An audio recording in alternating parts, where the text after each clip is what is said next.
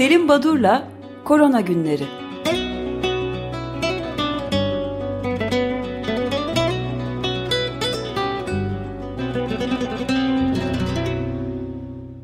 Günaydın Selim Badur, merhabalar. Günaydın, günaydın Özdeş, günaydın Feryal. Günaydın. Herkese iyi haftalar. Ben e, haftalık e, ortalamalara baktığımda geçen hafta e, günde yeni koronavirüs olguları listesine 637 bin vaka e, olgu eklenmiş. E, geçen sene zirve yapıldığında e, e kış aylarında 800 binler civarındaydı.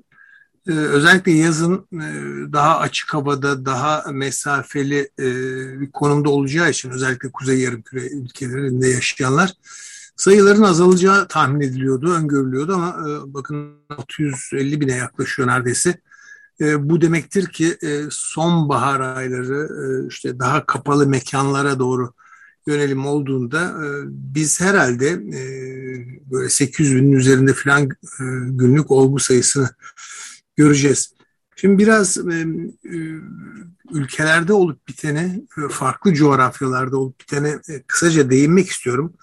E, bugün itibariyle işte 207 milyon olgu, 4 milyon 361 binde yaşamını yitiren kişi var John Hopkins verilerine göre. Ama unutmayalım ki Dünya Sağlık Örgütü bu yıl Mayıs ayında tam olarak 22 Mayıs günü bir rapor yayınlamıştı ve ölenlerin sayısını hesaplarken bu e, listelerdeki sayıların 2 ile 3 misli daha fazla insanın koronavirüsten yaşamını yitirdiğini e, kabul etmek lazım. Bunu böyle öngörmek lazım demişti. Yani e, sayısal değerler hiç de iç açıcı değil ve e, bütün e, hızıyla bu pandeminin e, devam ettiğini görüyoruz. Evet, belki şeyi de eklemek uygun olabilir bu tam bu noktada Hindistan'da gerçek açıklanan resmi rakamın 5 katı olduğu hesaplanıyormuş. Evet. Yani 2 evet. milyonu aşkın sayıda insanın Evet yani sayısal oldu. değerler gerçekten e, kesinleşmiş resmi rakamlar gerçek değerlerin daha fazla olduğunu düşünmek lazım. Aşılama oranlarına bakılınca Dünyada 4.6 e, milyar doz aşı kullanıldı bugüne kadar. Dünya nüfusunun %23,5'u tam aşılandı yani en az iki doz aşı e, yapıldı. E, Türkiye'de de tam aşılama oranı, tam aşı yaptıranların oranı nüfusun %38.6'sı. Bu arada bu sabah itibariyle e, sağlık çalışanları ve e, risk gruplarına Türkiye dördüncü doz aşıyı açtı bu sabahın erken saatlerinde e, gelen bir haber. Bu ilginç bir durum yani. Üçüncü doz aşı olalım mı olmayalım mı neyi olalım derken birdenbire dördüncü doz aşı karşımıza bu, çıktı. Bu galiba gerçekten dünyada iyi e, sanırım. Yani evet, üçüncü, üçüncü, üçüncü doz aşıda da e, biz ilk e, öncülük yapmıştık. Geçen, evet. Evet, yani buna değinirim birazdan Özdeş. Ben şunu söylemek istiyorum. E, bu aşı kullanımındaki adaletsizlik e, hani e, herkes güvenlik altında olmadan e, kimse kendini güvende hissetmesin denir hep. E, bu pandemiyle ilgili aşıyla korunabilen hastalıklarla ilgili olarak. Bakın geçen haftaya kadar e, gelişmekte olan ülkelerdeki aşılama oranları yüzde 1.1 idi. Çok düşük bir rakamdı. Ama bu hafta bu oran arttı. Yüzde 1.1'den yüzde 1.2'ye çıktı. Şimdi bu durum e, böyle gidemez. Yani bu e, görülüyor zaten.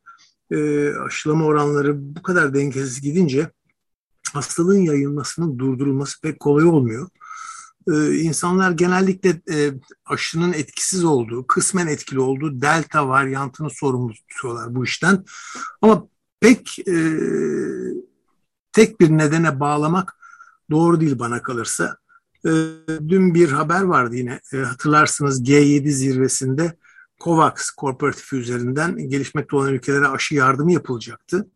G7 zirvesi sırasında vaat edilenlerin sadece yüzde beşi sağlanmış gelişmekte olan ülkelerde. Ee, yine içlerinde en fazla bağış yapan Japonya ve Amerika Birleşik Devletleri buna karşılık İngiltere ve Kanada sıfır doz ya, e, katkıda bulunmuşlar hiçbir katkıları yok. Yani biraz e, ayıp yaptınız diye e, bir haber vardı e, haber sitelerinde. Şimdi bütün bunlar olup biterken tabii bir yandan da e, e, aşılama konusunda çok spekülasyonlar var. Örneğin e, ülkemizde de e, bazı e, hekimler ya da bazı bu konuda fikir yürüten insanlar e, biliyor musunuz İngiltere'de ölümler e, ve yaşamını yitirenler aşılananlar arasında daha fazla diyor, diyorlar. Bu e, çok anlamsız, çok e, gerçek dışı bir durum. Çünkü bugün e, çok farklı ülkelerden gelen çalışmalar var. Örneğin Singapur'da bir çalışma yapıldı. Po Ying Chia ve arkadaşları kendileri yaptıkları çalışmada ilginç bir şey gösterdiler. Delta enfeksiyonu geçiren kişilerden içinde aşılı olanları incelemişler. Hastalanan aşılılar ve aşılı olmayanları bir kere e, aşılı olanlarda hastalık çok daha hafif geçmekte. Etrafa saçılan virüs miktarı ve aşılı kişiler enfekte olduğu zaman vücutlarındaki çoğalan virüs miktarının çok çok daha düşük olduğunu gösterdiler. Birçok ülkeden e, çalışma var. E, örneğin İtalya yeni koronavirüs raporuna göre ölüm riski aşı olanlarda %97 oranında daha düşük olduğunu gösterdi. E, bir İngiltere çalışması da aşı olanların e, enfekte olma riskinin yüzde 50 azaldığından bahsediyor. Yani sayısal değerler belki e, çalışılan, incelenen gruplara göre hepsi e, homojen değil tabii.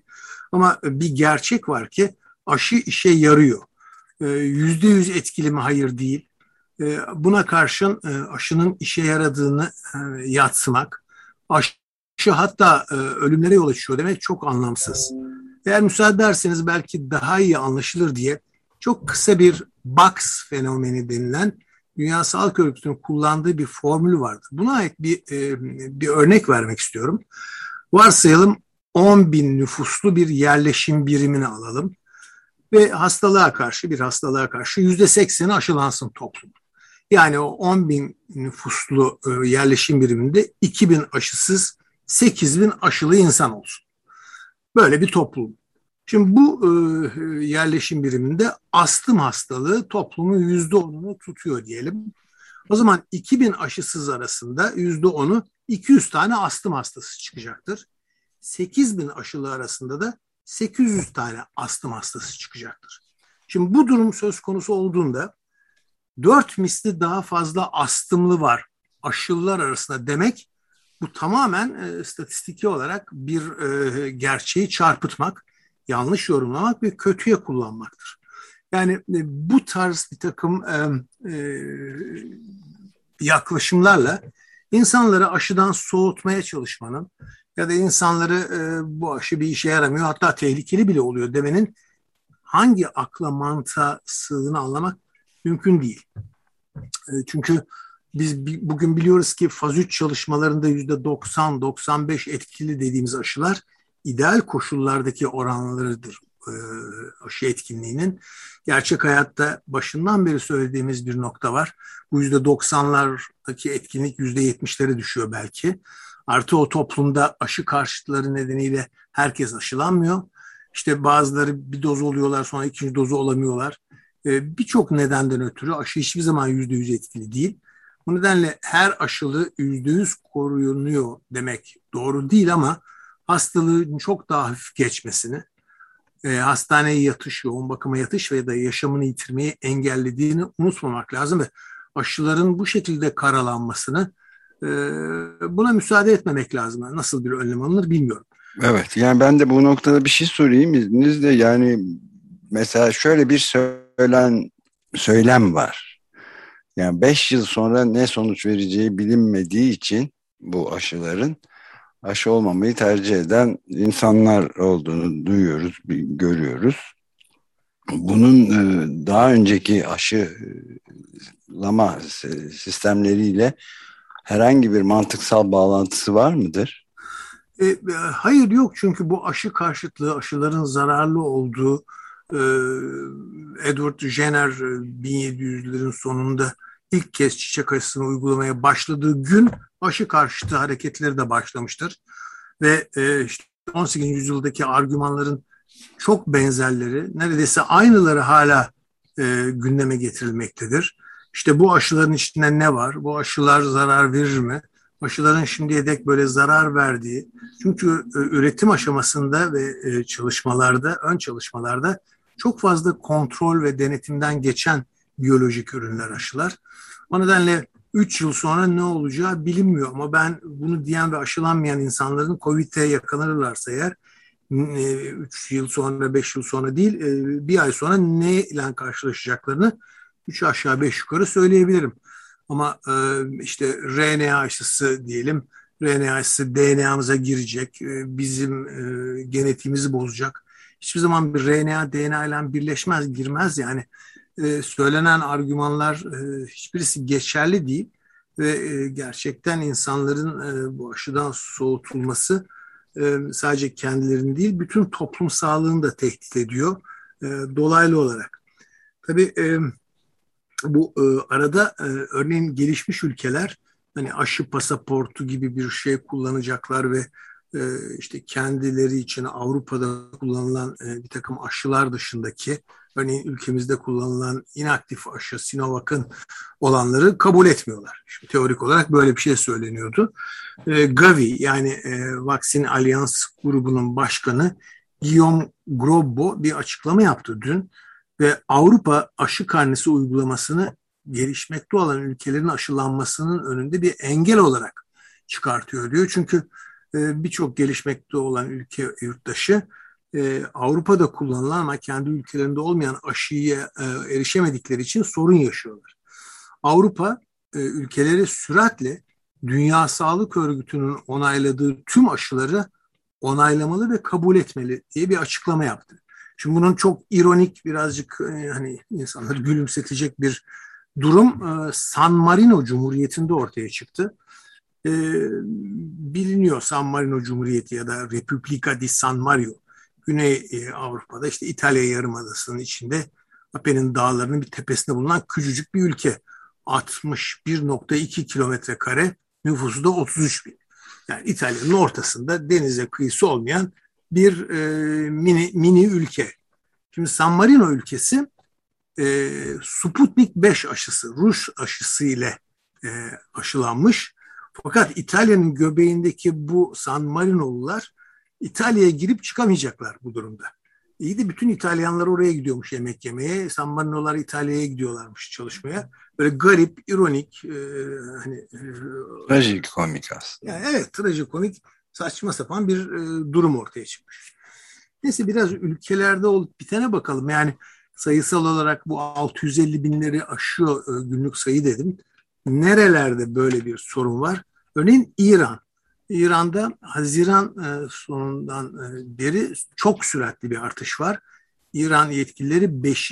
dalgayı yaşadıklarını söylüyorlar.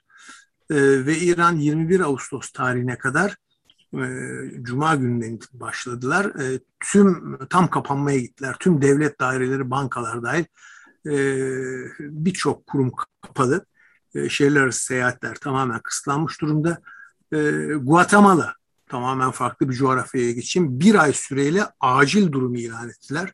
17 milyon bir ülke e, her gün yaklaşık 4 bin olgu işte gece sokağa çıkma yasağı ve e, acil durum var.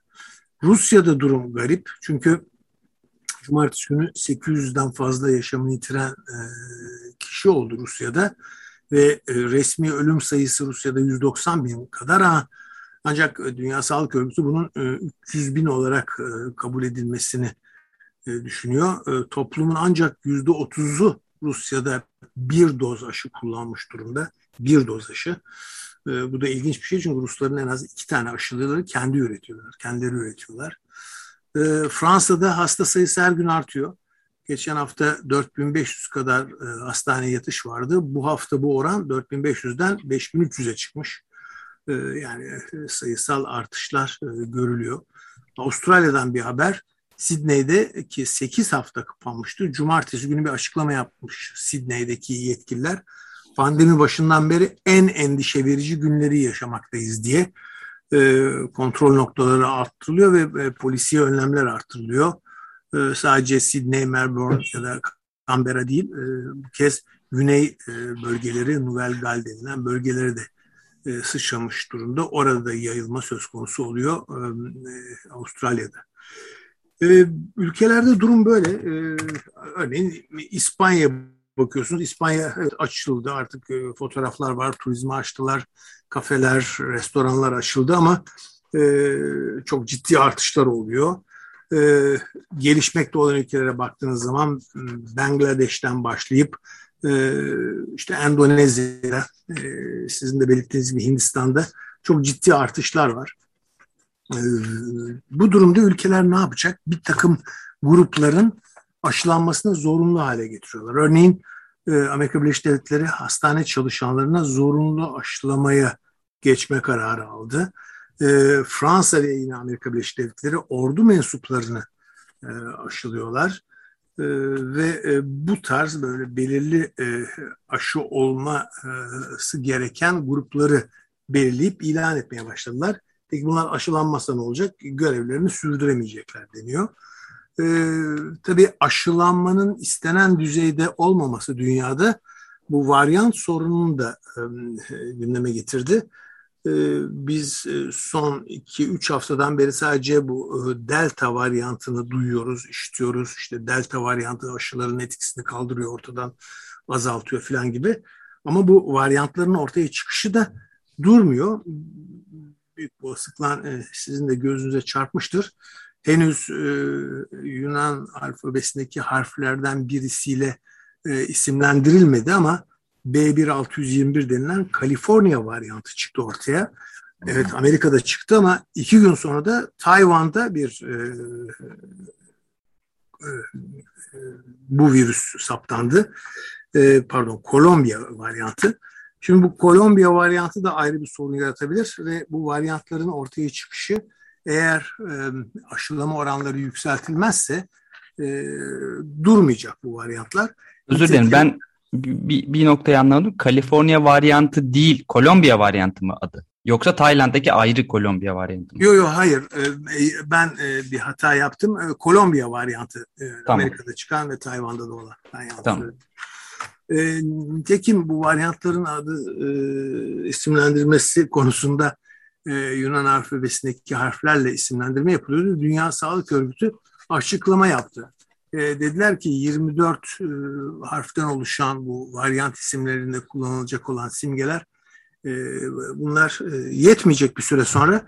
Bundan sonra neyle devam edelim diye yıldız isimleriyle e, Aries, Gemini, Orion falan gibi e, isimlerle devam etmesine karar vermişler. Yani varyantların sonu gelmeyecek gibi en azından kısa dönemde bunu e, kabul ediyor Dünya Sağlık Örgütü.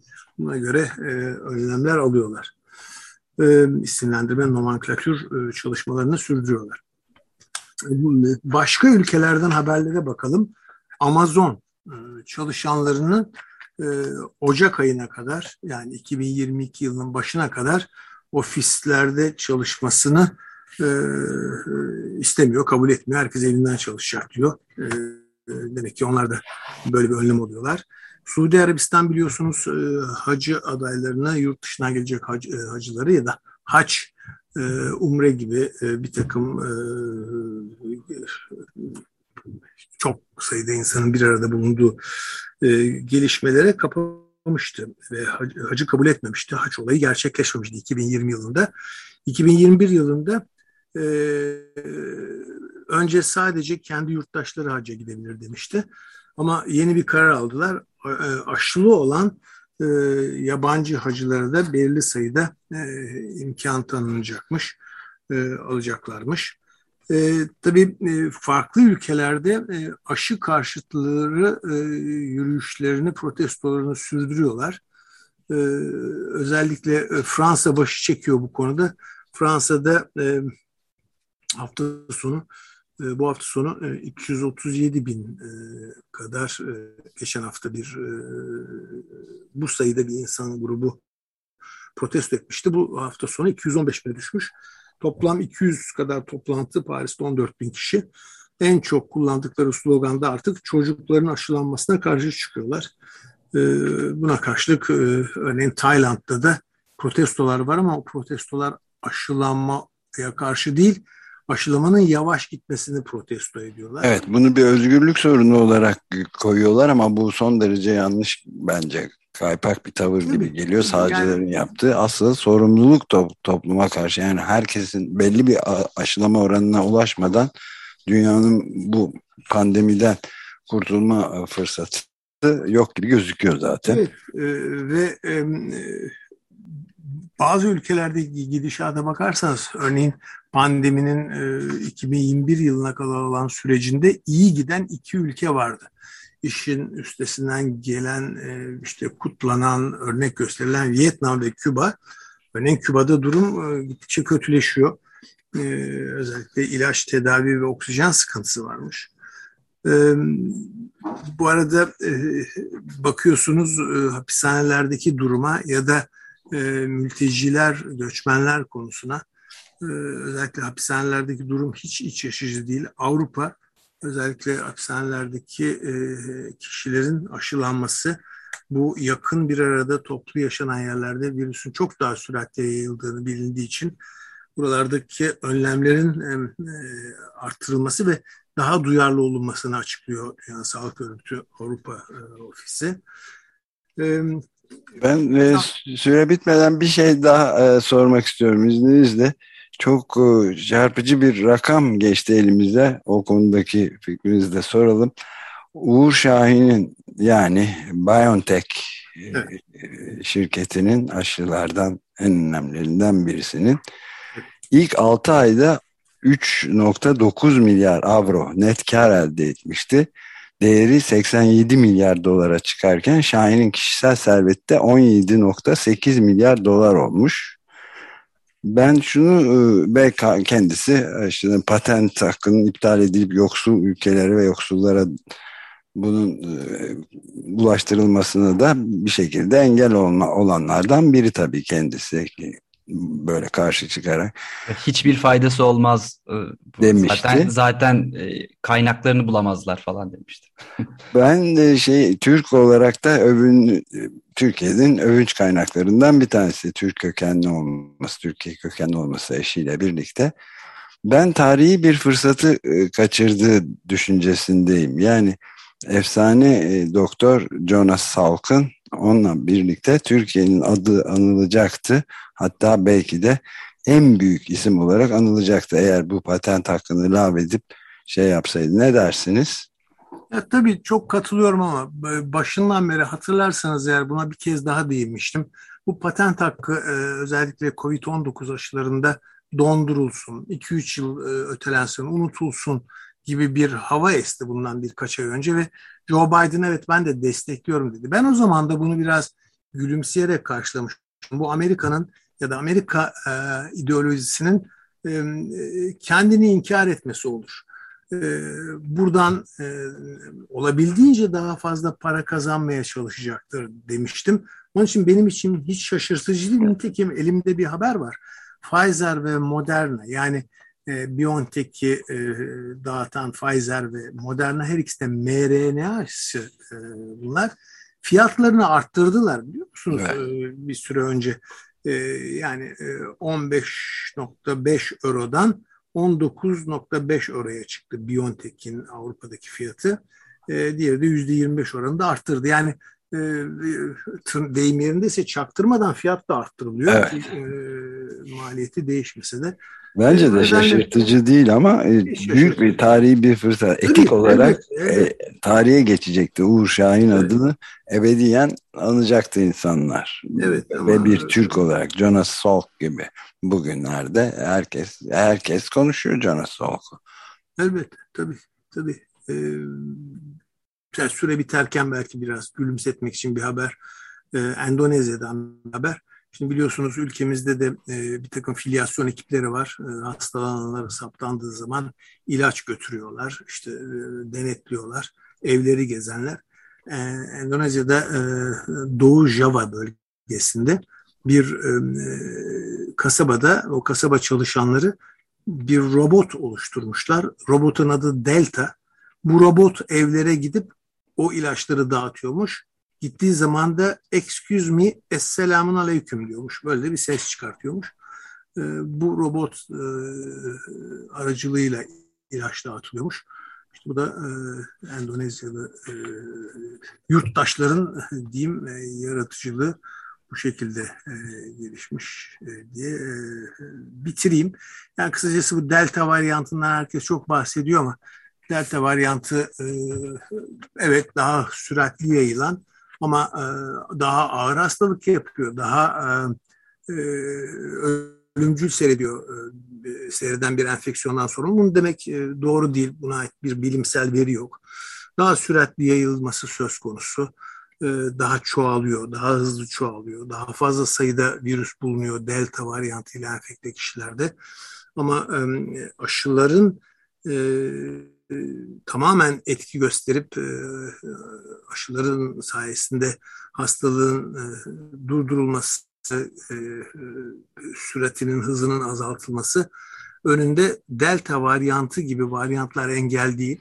Asıl engel işte aşıların karalanması, aşı tedarikindeki zorluklar, işte patent yasaları bütün bunlar e, belirleyici oluyor.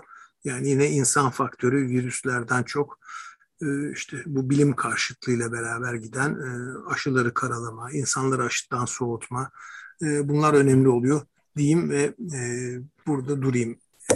Cuma günü program belli mi? Cuma günü tam konuk bugün belli olacak, netleşecek ama büyük olasılıkla e, iklim kriziyle ilintili e, sa sağlık sorunlarını e, ele alacağımız bir program olacak. Aynı zamanda bugün aile hekimleri işi bırakacaklarını duyurmuşlardı. Bu evet. konuda eğer gerçekleşirse bununla da ilintili kısa bir e, söyleşi olabilir. Çünkü e, aile hekimlerinin gazetelere demeç vermeleri, sosyal medya paylaşımı yapmaları yasaklandı. E, yani böyle garip şeyler var e, ve e, cezalar falan geliyor aile hekimlerine. E, aşılamayı e, yüklenen birinci basamaktaki onlar gerçek sağlık emekçileri ee, bunu anlamak pek mümkün değil. Onlar da haklarını savunmak için bugün işi bırak işi bırakmaktan çok e, hastalarına ve kendilerine bağlı olan kişilere lütfen siz bugün aile sağlığı merkezine gelmeyin demişlerdi. Böyle bir olay var. Belki Cuma günü bütün bunları değerlendirip konuşacağız. Peki çok teşekkür ederiz. Teşekkür ederim. Görüşmek üzere. Sağ olun. Sağ olun.